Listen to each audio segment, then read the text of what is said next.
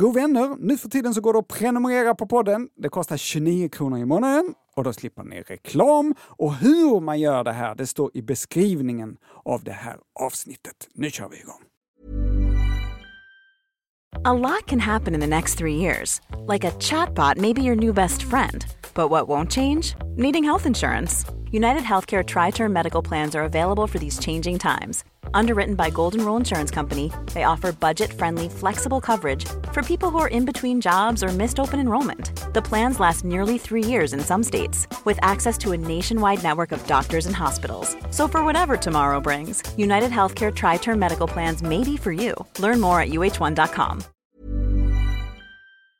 Den här veckan så har vi ett betalt samarbete med Synoptik och deras glasögonabonnemang Synoptik All Inclusive. Ja, det är ett tryggt och bekvämt sätt att ha glasögon där man kan kombinera med eh, solglasögon och linser och där all service ingår som fria glasbyten när din syn förändras, otursskydd om du klantar till det. Ja, vet du vad Måns?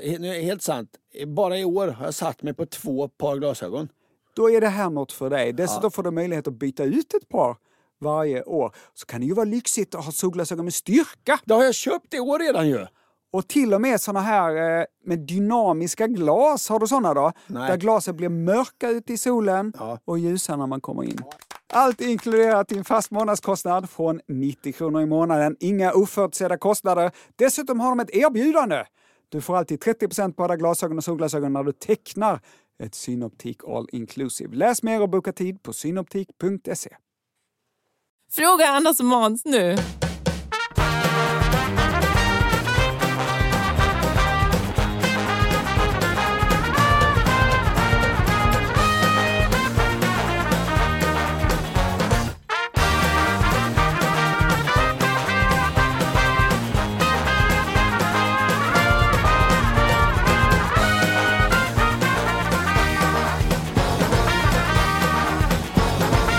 Varmt ska det vara. Hjärtinnerligt dessutom välkomna till Fråga Anders Måns, en podd som svarar på lyssnarfrågor. Mitt emot mig min kära vän och kollega Måns Nilsson som jag har känt sedan jag var jätteliten pojke. Hur är det med dig?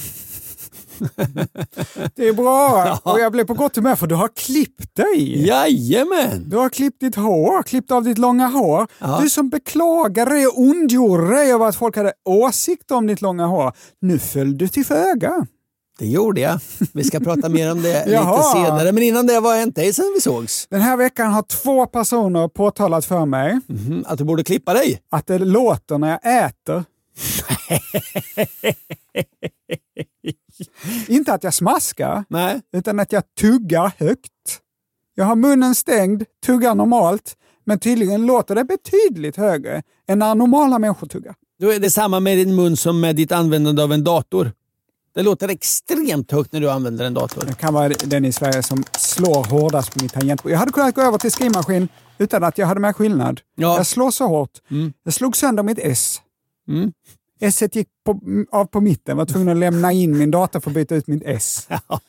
kan också vara för att jag tvångsmässigt savear Ja. allt jag gör hela Du tiden. har mycket tvångsmässiga beteenden. Men det var inte det vi Nej. skulle prata om utan ditt Ja. höga tuggande. Exakt, jag funderar på om det kan vara något fysiologiskt som skiljer mig från andra. Ja, men du har en ganska stor käke. Att Ja. du har fått ett bra resonansbotten där. Alltså, du har ju lite Mick Jagger-mun. Ja, kan det vara det? Eller att jag får resonans i mina små bihålor? När vi bodde i Lund så var ju du lite av Lunds Mick Jagger. Nej. Jo.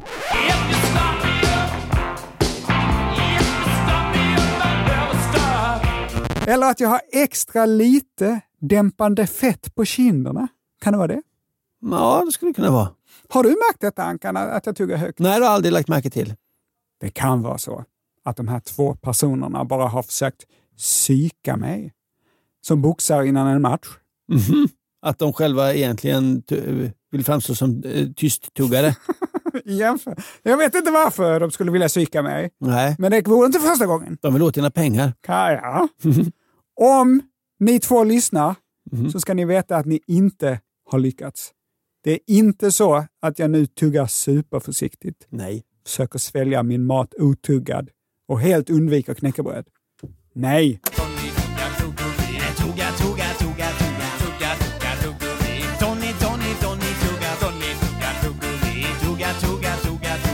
Ankan, vad har hänt dig sen sist? Ja, nu är ju det här etermedia så man kan inte se mig Men om det var tv så skulle man se det som du nyss påtalade, det vill säga jag har klippt mig. Jag gick till frisören. När jag skulle gå från frisören så sa eh, frisören citat du behöver ju inte vänta till Lucia-längd nästa gång. Då är frågan, vad fick mig att ta detta beslut?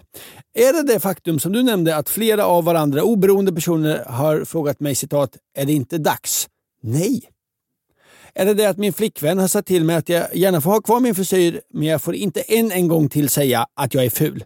Vadå ful? Det är väl rimligt att hon sa till mig där, ni hörde, jag känner mig så ful. Ja, men vad fan, då har, ha kvar det håret då. Men om du känner dig så ful, så håll inte på. Det är ju ditt val, sa hon. Jag tyckte att du pillade dig hela tiden i ditt långa hår. Ja, men det var inte härligt att göra det. Ja, ja, ja, ja. Nej, det var inte det. Var det det faktum att mina barn kom hem med löss och att jag hade ett riktigt jävla helvete att kamma igenom mitt Lucia-långa tovmonster med en så här trång, trång luskam? Var det det som fick mig att tänka nu är det dags? Nej. Vad var det Måns? Det var en radiodokumentär. Jag lyssnade på radiodokumentären om Perstorpssvindlaren. Ja! Alltså historien om en socialsekreterare i den lilla skånska kommunen Perstorp som levde ett dubbelliv. Halva livet som socialsekreterare, halva som påhittad internationell advokat. Berättelsen om hur en man tömde kommunkassan för att leva ett partyliv och flyga helikopter mellan Malmö och Köpenhamn för Perstorps socialbidragstagares pengar. Om hans vilda fester i Malmö där han citat krängde på sina kap i fönstret på sin exklusiva lägenhet i Västra hamnen. Krängde på? Va? Ja. Jaha, hade sex på något sätt. I, i de stora öppna Det var- fönstren. Det var en, eh, ett äckligt sätt att beskriva Ja. eh, älskog. Ja, I de stora öppna fönstren på sin exklusiva lägenhet i Västra hamnen. Mhm. Den lägenheten som numera är en frisörsalong. Jaha! Jag ville in i lägenheten den här, där den här mystiska folkhemsförbrytaren festat upp den lilla skånska kommunens pengar med dyra viner och kokain. Så jag fick gå dit och klippa mig. Jaha! Den lägenheten är frisörsalong och det f- fick du reda på och då Ja. så ville du dit. Ja, Intressant. det var det värt. Nu ser jag ut så här istället. Det är jättefin Ankan. Tack så mycket, nu kör vi igång. I Perstorp, det ligger i Skåne för, er som inte visste det, där finns det en grupp som heter Tastens. Och Tastens har skickat in en kassett och från den har vi plockat en låt som heter Napalm.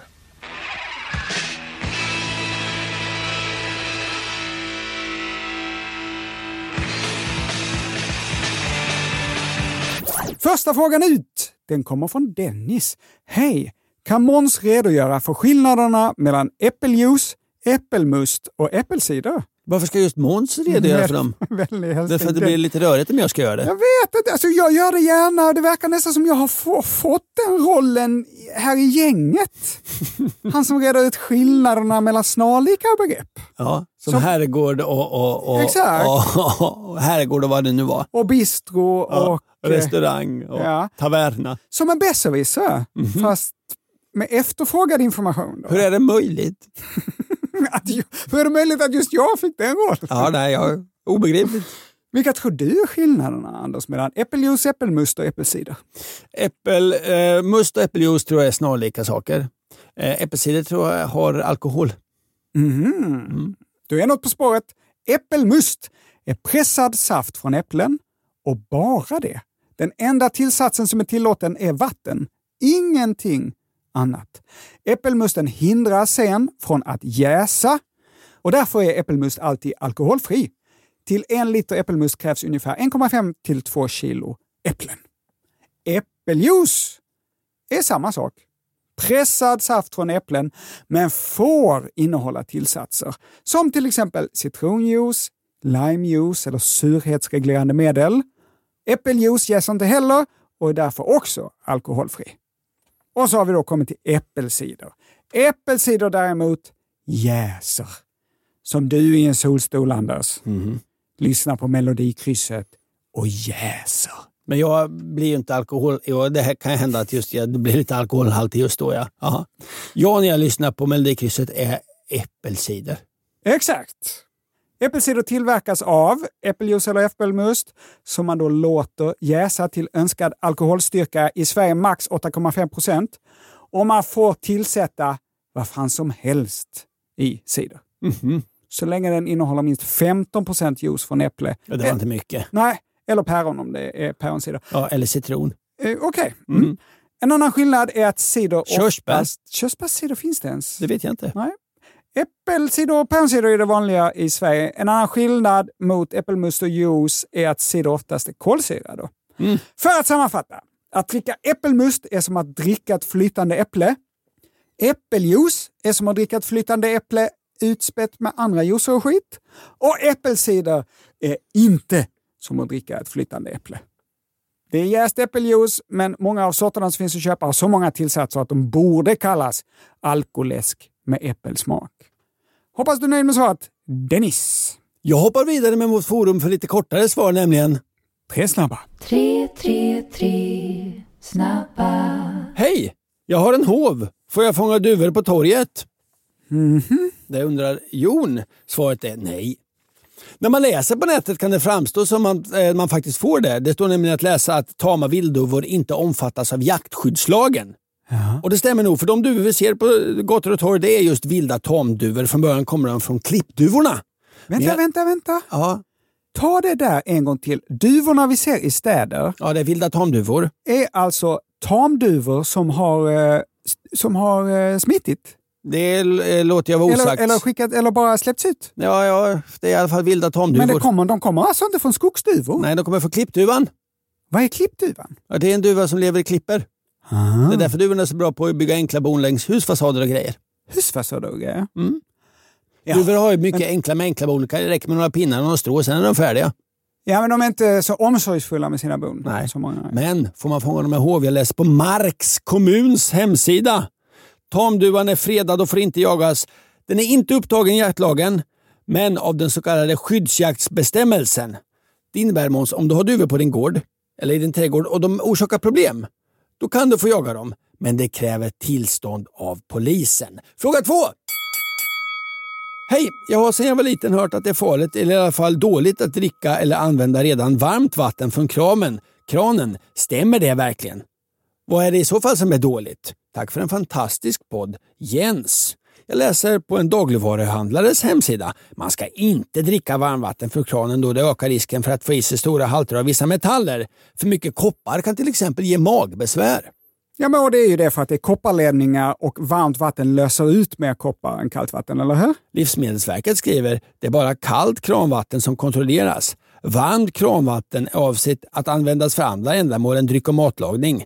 Av det skälet räknas inte varmvatten som livsmedel. Ja, just det. Och sen så alltså att varmvatten kan ju i många fall ha legat ganska länge i en varmvattenberedare. Varför är det så här? Jo, för rören av koppar påverkas av värmen och som du säger Måns fälls det ut metaller i vattnet. Men plaströr då? Måns? Så här skriver eh, cyklande rörmokaren. Plaströr påverkas precis som metallrör utav värme och fäller ut skadliga och hormonstörande ämnen vid högre temperaturer. Nej, undvik att dricka varmvatten. Fråga tre. Hej underbara Anders och Måns. Tack för en härlig podd. Kanske den bästa av alla. Ja, Jag vad en- fint. Tack själv! Ja, eh, jag har en kort och koncis fråga. Äter fåglar sallad? Vänligen Johan i Göteborg. Ja, men det har jag sett. Jag Sala ju, kommun skriver på sin ja, hemsida. men jag är ju uppvuxen på landet. Ja. Jag har sett eh, kycklingar äta sallad. Jaha. Mm. Ja, då går vi vidare och säger att eh, eh, tre snabba är över. Nej, vad skriver Sala kommun då? Mata inte fåglar med bröd, skriver Sala kommun. Bröd innehåller inte den näring som fåglarna behöver. När fåglarna äter sig mätta på bröd så struntar de i att leta rätt på, den viktiga, på viktiga näringsämnen. Det kan re- resultera i att fåglarna inte kan flyga. Okej. Sen lägger då Sala kommun ut lite tips på vad man istället ska mata fåglarna med. Lägger vi ett pling vid varje tips här, eller hur Måns? Frön, havregryn, torkad majs, torkade ärtor och en liten fanfar. Hackad sallad. Så ja, fåglar äter sallad. Det var... Tre snabba.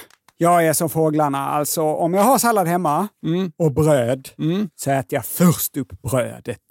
Mm. Men du kan ju inte heller flyga. Nej, logiskt.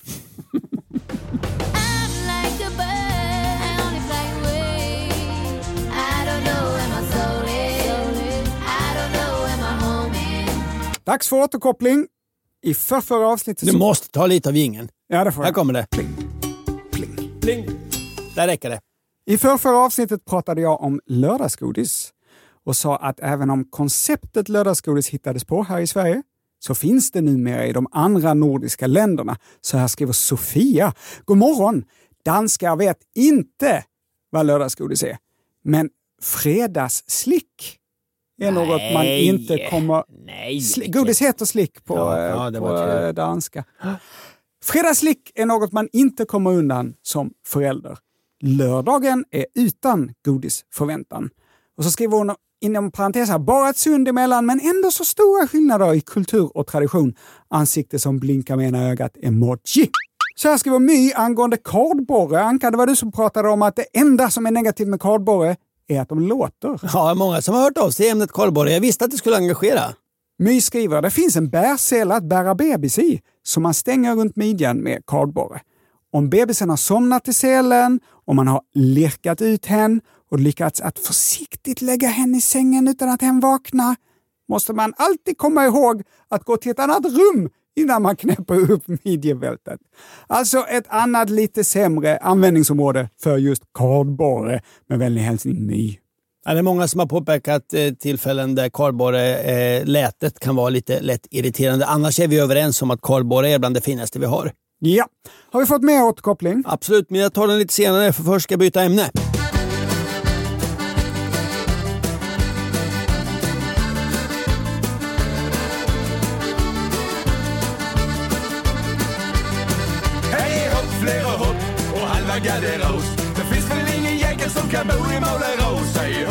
Hopp, hopp halva. Det ingen som. Hey, it's Danny Pellegrino from Everything Iconic. Ready to upgrade your style game without blowing your budget? Check out Quince. They've got all the good stuff shirts and polos, activewear, and fine leather goods, all at 50 to 80% less than other high end brands. And the best part? They're all about safe, ethical, and responsible manufacturing. Get that luxury vibe without the luxury price tag. Hit up quince.com slash upgrade for free shipping and 365 day returns on your next order. That's quince.com slash upgrade. Millions of people have lost weight with personalized plans from Noom, like Evan, who can't stand salads and still lost 50 pounds. Salads, generally, for most people, are the easy button, right? For me, that wasn't an option. I never really was a salad guy. That's just not who I am. But Noom worked for me. Get your personalized plan today at Noom.com. Real Noom user compensated to provide their story. In four weeks, the typical Noom user can expect to lose one to two pounds per week. Individual results may vary. Quality sleep is essential. That's why the Sleep Number Smart Bed is designed for your ever evolving sleep needs. Need a bed that's firmer or softer on either side? Helps you sleep at a comfortable temperature? Sleep Number Smart Beds let you individualize your comfort so you sleep better together. JD Power ranks Sleep Number number 1 in customer satisfaction with mattresses purchased in-store. And now, save 50% on the Sleep Number limited edition Smart Bed for a limited time. For JD Power 2023 award information, visit jdpower.com/awards. Only at a Sleep Number store or sleepnumber.com.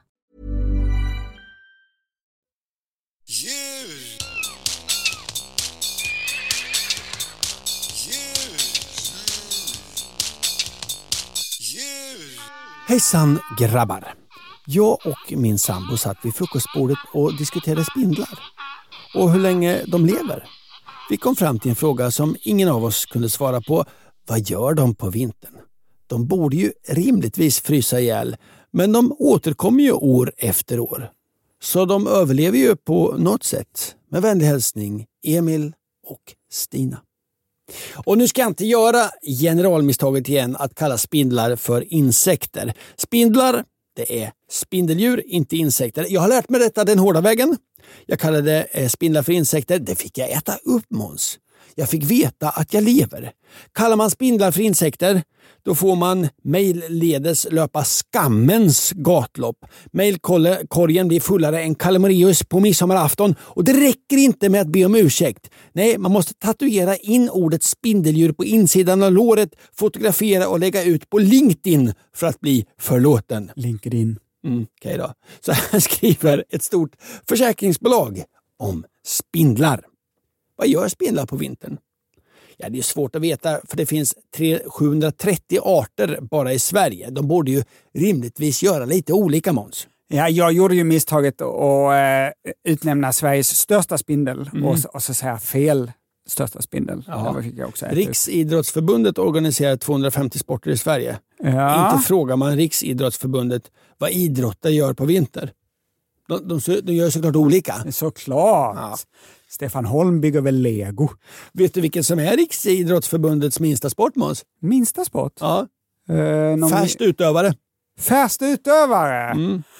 Ja, det är en ovanlig sport tror jag. Mhm, vad gissar du på? Krykskytte. Bob. Ja, det är materialsport. Ja, men vad gör då spindlar på vintern? Så här skriver ett av våra stora försäkrings försäkringsbolag på sin hemsida. Först lite gammal fakta, men den tycker jag är så spännande så den tar vi igen. Svenska spindlar är giftiga, men vi människor känner oftast inte giftet då de flesta inte kan bita igenom vår hud. Mm. Det var gammal fakta. Sen fortsätter man. Mot hösten dör många spindlar, men några övervintrar till våren. Ja, några dör alltså. Så här skriver Jordbruksverket. Spindlarna behöver alternativa utrymmen där de kan söka föda och övervintra. Obrukade ytor, dikeskanter, hagmarker och skogskanter är exempel på sådana utrymmen. De går lite avsides. Så det är väl den korta sammanfattningen. Några övervintrar och några dör. Hur gör de som övervintrar? Lunds universitets sida Populärt om djur har en hel del fakta. När det gäller vinterperioden kan olika spindelarter övervintra som ägg, som nymfer, alltså som larver då, eller som vuxna. Du märker här måste det finns ju alla varianter. Ja, men det är ju inte så att en vuxen spindel kan gå tillbaka och bli ett ägg. Nej, nej, nej. nej. Men Utan lägger de den ju- lägger ägg Ja. och sen så får de ligga över vintern så kläcks de på vårkanten. Ja, och några blir nymfer och så är det de som överlever ö, över just det, vintern. just det. Och några överlever hela som de är. Det finns alla varianter. Det är som på Finlandsfärja. Att det finns alla varianter av människor. Sen finns det ju då arter då som kör så att säga året om. Har vi några exempel? Ja, Jag tror ju större desto mer vanligt. Ja, det kan jag inte uttala mig om, men jag vet till exempel att den eh, stora mörka julspindeln, spindelnät, är så länge det är plusgrader året om. I Skåne så kör den ju året om då såklart. Arterna inom släktet Segestria, det är de vi har i fönsterspringor och så. De eh, blir könsmogna vid nyår. så den kör jag också året Vilket om. flyt! Att Aha. bli könsmogen just på nyår! Ja, ja, ja. Perfekt! Zebraspindeln, det är den man ofta ser på husväggar, den eh, lever också året om. Men de flesta eh, som övervintrar övervintrar då i marken. Och hur då Måns? Det här är spännande. Vad tror du? Ja, men ju längre ner i marken desto varmare. Alltså vid, vid minusgrader uppe i luften då, ja, ja, såklart. ja, absolut. absolut. Ja, så de gräver väl ner sig då? Mm, ja, det gör de väl. Ta lite skydd under bark och skit. Som Jordbruksverket skrev. Men de har en form av vilotillstånd som kallas för diapaus. Diapa. Alltså, de gör som eh, björnar de går i ide. Ja, det det är en form av vilotillstånd, men björnarna har ingen diapaus. Okej. Nej. Hur funkar då det här eh, hos spindlar? Det har man lite taskig koll på. Man har studerat det mest hos eh, insekter och det är ju en skillnad Det är det på spindlar och insekter. Men en studerad spindelart finns. Och då märker man att den här diapausen den utlöses inte av temperatur utan av solljuset. Alltså när dagarna blir kortare så går spindeln in i diapaus. Mhm. Varför då? Jo, för det är mycket säkrare om man går på temperatur. Då kan man lätt överraskas av en köldchock och då fryser man ihjäl. Men går man på solljuset så är det lite just det. säkrare sätt att veta att nu är det dags för diapaus. Alltså spindeln tänker så här, ja, det är mörkt både när jag hämtar och lämnar på dagis. Dags för diapaus. Ja, det saknar man ju som människa. Det här kan jag tänka mig lite diapaus. Hur funkar då det här? Alltså då är det som sagt så att man vet mest hur det funkar hos insekter, men man får väl anta att det funkar lite liknande hos spindlar.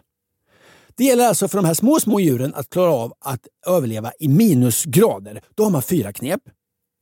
Alltså de klarar att vara underkylda, alltså hålla en temperatur under fryspunkten utan att bli is. Hur går det här till? Ja, de har kanske inte så mycket vätska i sina små kroppar. Ja, för det är så här att iskristaller det bildas liksom runt små, små, små, små partiklar. Partiklar som tydligen kallas för groddar. Och Det är där liksom, på de här små partiklarna som iskristallerna börjar växa. Okej. Och Då ser de här små, små djuren till att inte ha groddar i sig. Så iskristallerna, iskristallerna har väldigt svårt att börja växa. Det här förstår jag inte alls. Nej.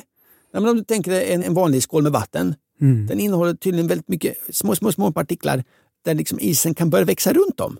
Ja, men jag kan förstå. Alltså det- Säg ett moln med vattenånga. Om man då eh, vill utlösa ett regn ur det molnet så skjuter man upp små partiklar. Och då börjar ju vattendropparna bildas runt de här små partiklarna Ja. och löser ut regn. Jag kan tänka mig att det är på något liknande sätt. Ja, ja, ja absolut. Det var knep ett. Mm. Knep två. De höjer koncentrationen av glycerol och sorbitol.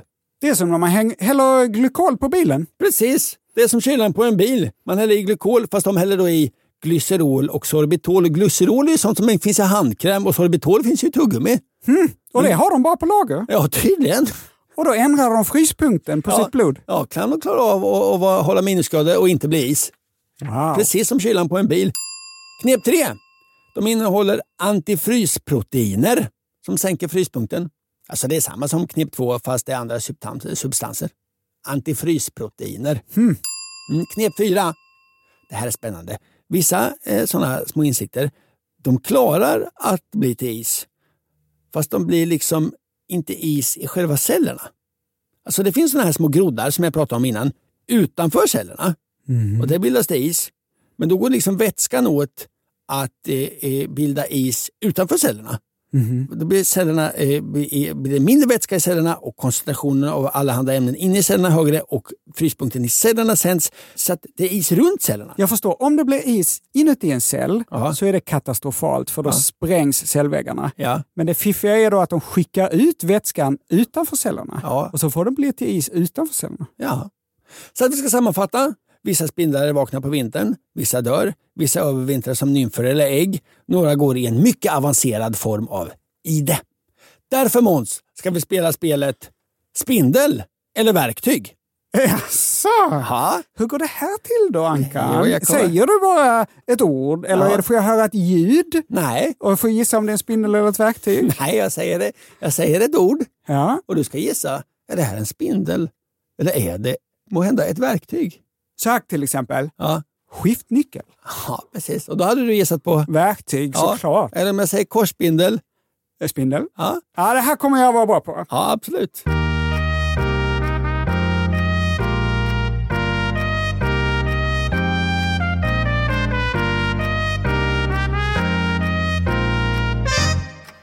Spindel eller verktyg? Fråga 1. Stamspindel. Stamspindel, ja det där kan vara en, en, en krypare, vad heter det? Slamkrypare. Mhm. Stamspindel. Det finns ju på bilar spindelled. Det är ju inte en riktig spindel. Nej. Men det är ju inte heller ett verktyg. Nej. Stamspindel, jag tror att det är ett verktyg. Nej. Det är en spindel. Det var ingen slamkrypare, det var bara en superenkel. Ja, den ingår i familjen mattvävarspindlar. Ja. Ja. Fråga två. Sökspindel. Nej, där, den tror jag däremot är en slamkrypare. Det där är ett verktyg. Det är ett digitalt verktyg. Ja. Moderna sökmotorer använder sig av sökspindlar för att upptäcka nya webbplatser. Ja, ja. En slags båt. Fråga tre. Tjockspindel. Tjock, som i att. En Tjock. tjockspindel, du vet på borrmaskiner. Mm. Eh, när man ska dra åt eh, borret extra hårt så att det inte flyger av. Hette inte det lilla verktyget en tjock? Alltså den där, en tjock som, som, eh, har, Vad gissar du på? som har tänder som går in i det här kugghjulet. Och, Mm. Jag tror att det är ett verktyg. Det är rätt. Tjockspindeln är en del av en borrmaskin, Måns. Ja! Ja, ja, ja. Det var snyggt. Okej, vi kör den sista. Kilhjulsspindel. Kilju, det tror jag är en riktig spindel. Ja, det är rätt. Ja! Det är rätt. Det är en art i familjen hjulspindlar och du får tre av fyra. Väl godkänt. Tack.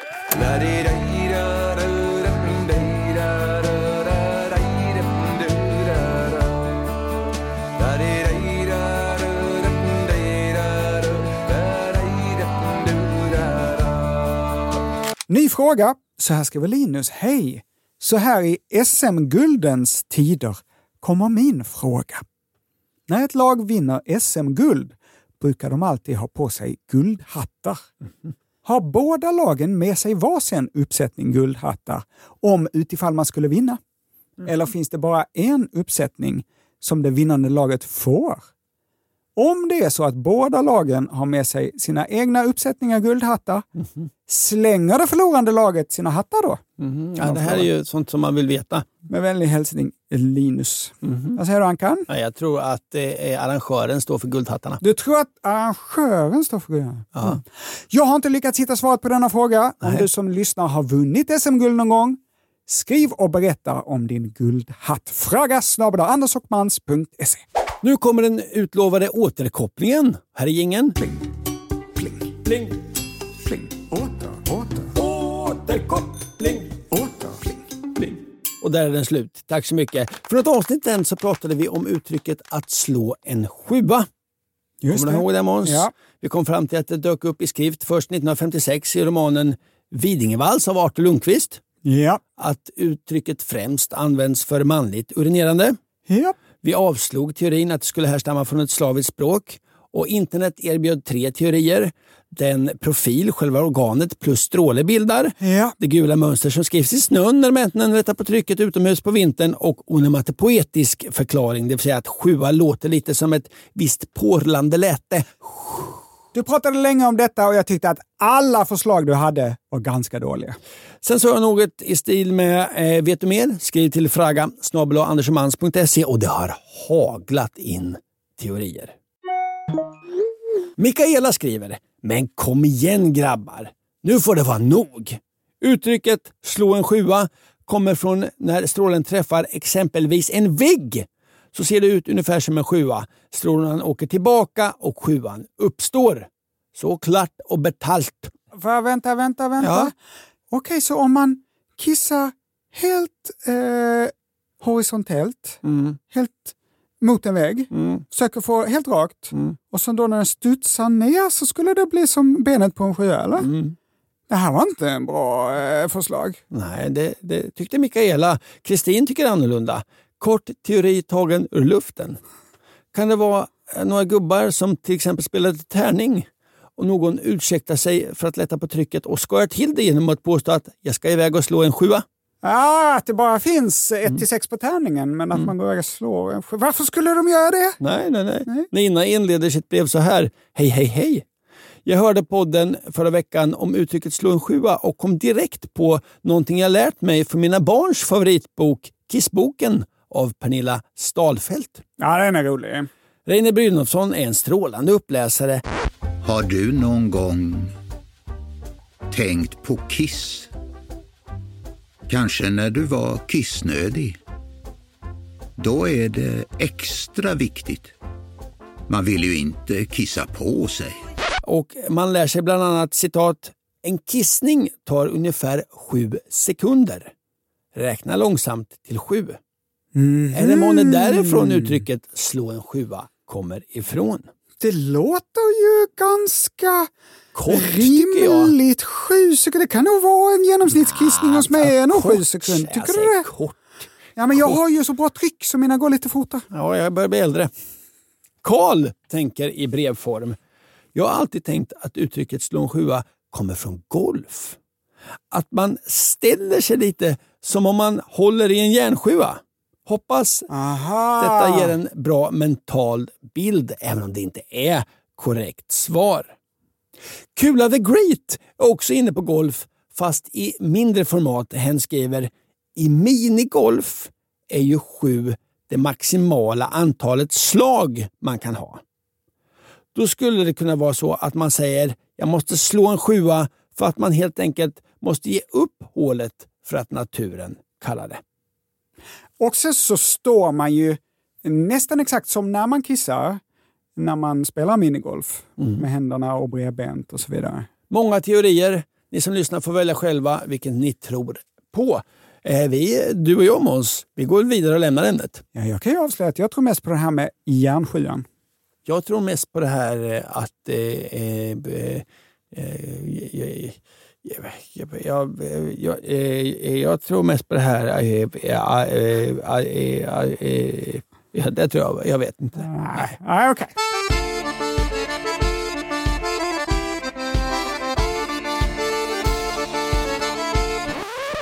Ankan Johansson, tror det eller ej, jag tror aldrig att det har hänt.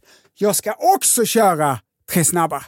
Två Tre snabba i samma avsnitt. Ja, det är ju, många tror jag kommer till ur stolarna hemma. Det tror Oj, jag. vad snabba de är, tänker de. Snabba. Fråga ett. Hej Anders och den andra. Nämen. Varför heter Sveriges nordligaste län Norrbotten?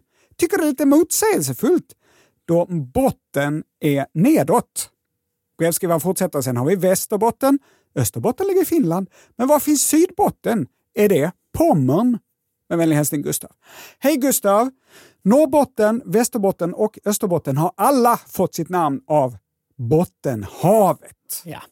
Och Bottenhavet heter inte Bottenhavet för att det skulle vara Sveriges sämsta hav. Nej. Att det är botten. Nej. Det har inget med det att göra. Nej. Det heter Bottenhavet. Även om det suger. Eh, Sjön suger. Mm. Och, men det är ju ett hav. Ja. Det heter Bottenhavet för att det har en Botten. botten. Vilket i och för sig många andra ha- hav också har. Mm. Men man kan tänka sig att Bottenhavet var väldigt, väldigt snabba på att paxa det namnet Mm. efter att Ythavet och Vattenhavet redan hade gått. Och det här sista, det är li, nå- lite av spekulationer. Man säga. Sydbotten, det är staden Helsingborg. Fråga två! Hej grabbar! Hej. Men nu måste ni hjälpa mig med ett dödsviktigt och superaktuellt ämne. Anders, vad tror du? Tror du att det är ett dödsviktigt och superaktuellt ämne? Jag tror att det är ett helt oviktigt och helt inaktuellt ämne. Brevskrivaren fortsätter. I en annan podd hörde jag om en person som hade satsat på video 2000 Aha. istället för VHS på 80-talet. Jag tänkte tjoho! Äntligen har jag hittat namnet på den videokassett som fanns i mitt hem under tidigt 80-tal där vi spelade in Barbapapa Saltkråkan och Elsa, lejonet alltså. Men när jag googlade video 2000 så var det inte den sortens kassett som vi hade. Nej. Kassetten var mindre VHS, hade bara en synlig snurrdel på framsidan. Vad hette kassetten?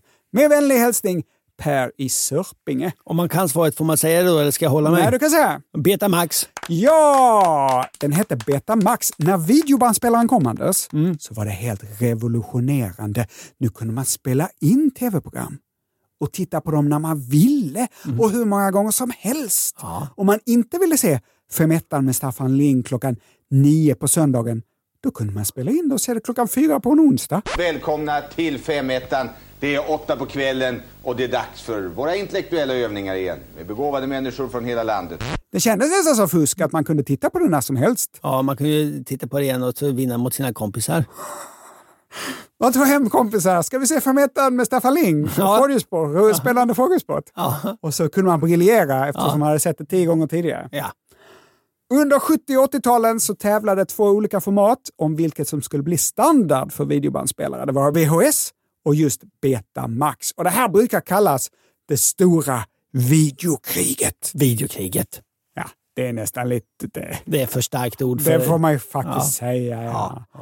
Betamax-banden var mindre, som Per skriver, Mm. och hade bättre bildkvalitet, men ändå vann VHS. Eftersom elektroniktillverkaren JVC, som var de som tog fram VHS, var mycket bättre på att samarbeta med andra aktörer och att det snart fanns många fler köp och hyrfilmer på VHS än på Betamax. Ibland hör man att det var porren som avgjorde videokriget.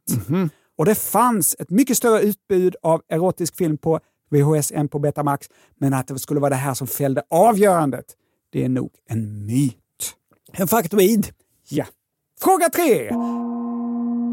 Hej Anders och Måns. Hej. Satt på en poolkant när sonen skulle visa fjärilsim Nej. och började fundera över varför simsättet fjärilsim överhuvudtaget finns. Ja, det är ju en rimlig fråga. Det brukar Ann Westin skoja om. Jaha! Ja.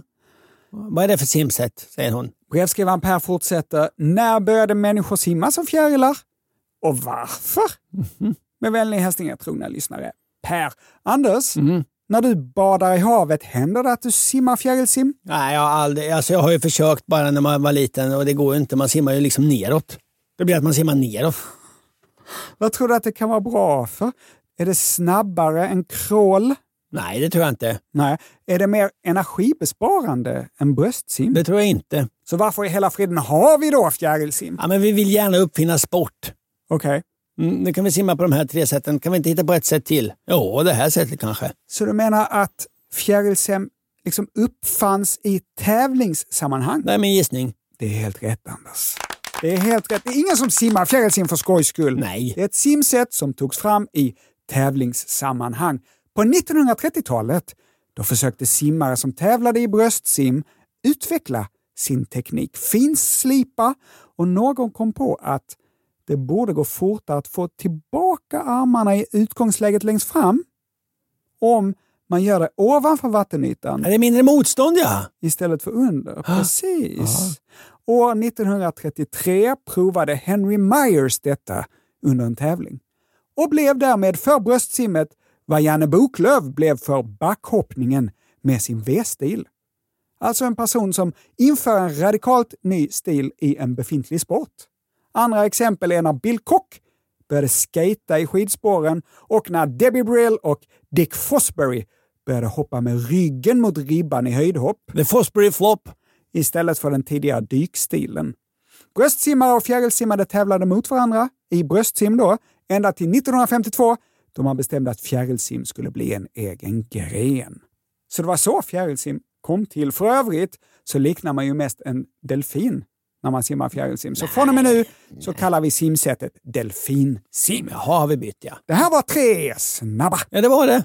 Och det var tre bra snabba. Det var som vanligt när du gör tre snabba, tre mellanlånga. Men det är helt okej Måns. Absolut. Och jag tror det var allt vi hade att bjuda på idag Måns va? Ja, vilken trevlig stund vi har haft Ankan. En underbar stund och vi hörs igen om en vecka för då är det dags för ett nytt program. Skriv fler frågor till fraga snabel.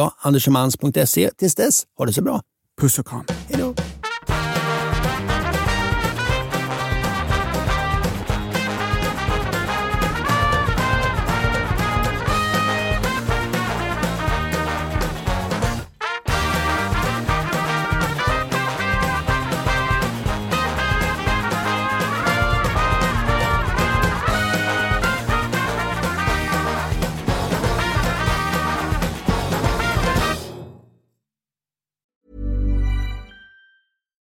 Deserves the best, and there's no better place to shop for Mother's Day than Whole Foods Market. They're your destination for unbeatable savings, from premium gifts to show-stopping flowers and irresistible desserts. Start by saving 33% with Prime on all body care and candles. Then get a 15-stem bunch of tulips for just $9.99 each with Prime. Round out Mom's menu with festive rosé, irresistible berry chantilly cake, and more special treats. Come celebrate Mother's Day at Whole Foods Market. Planning for your next trip?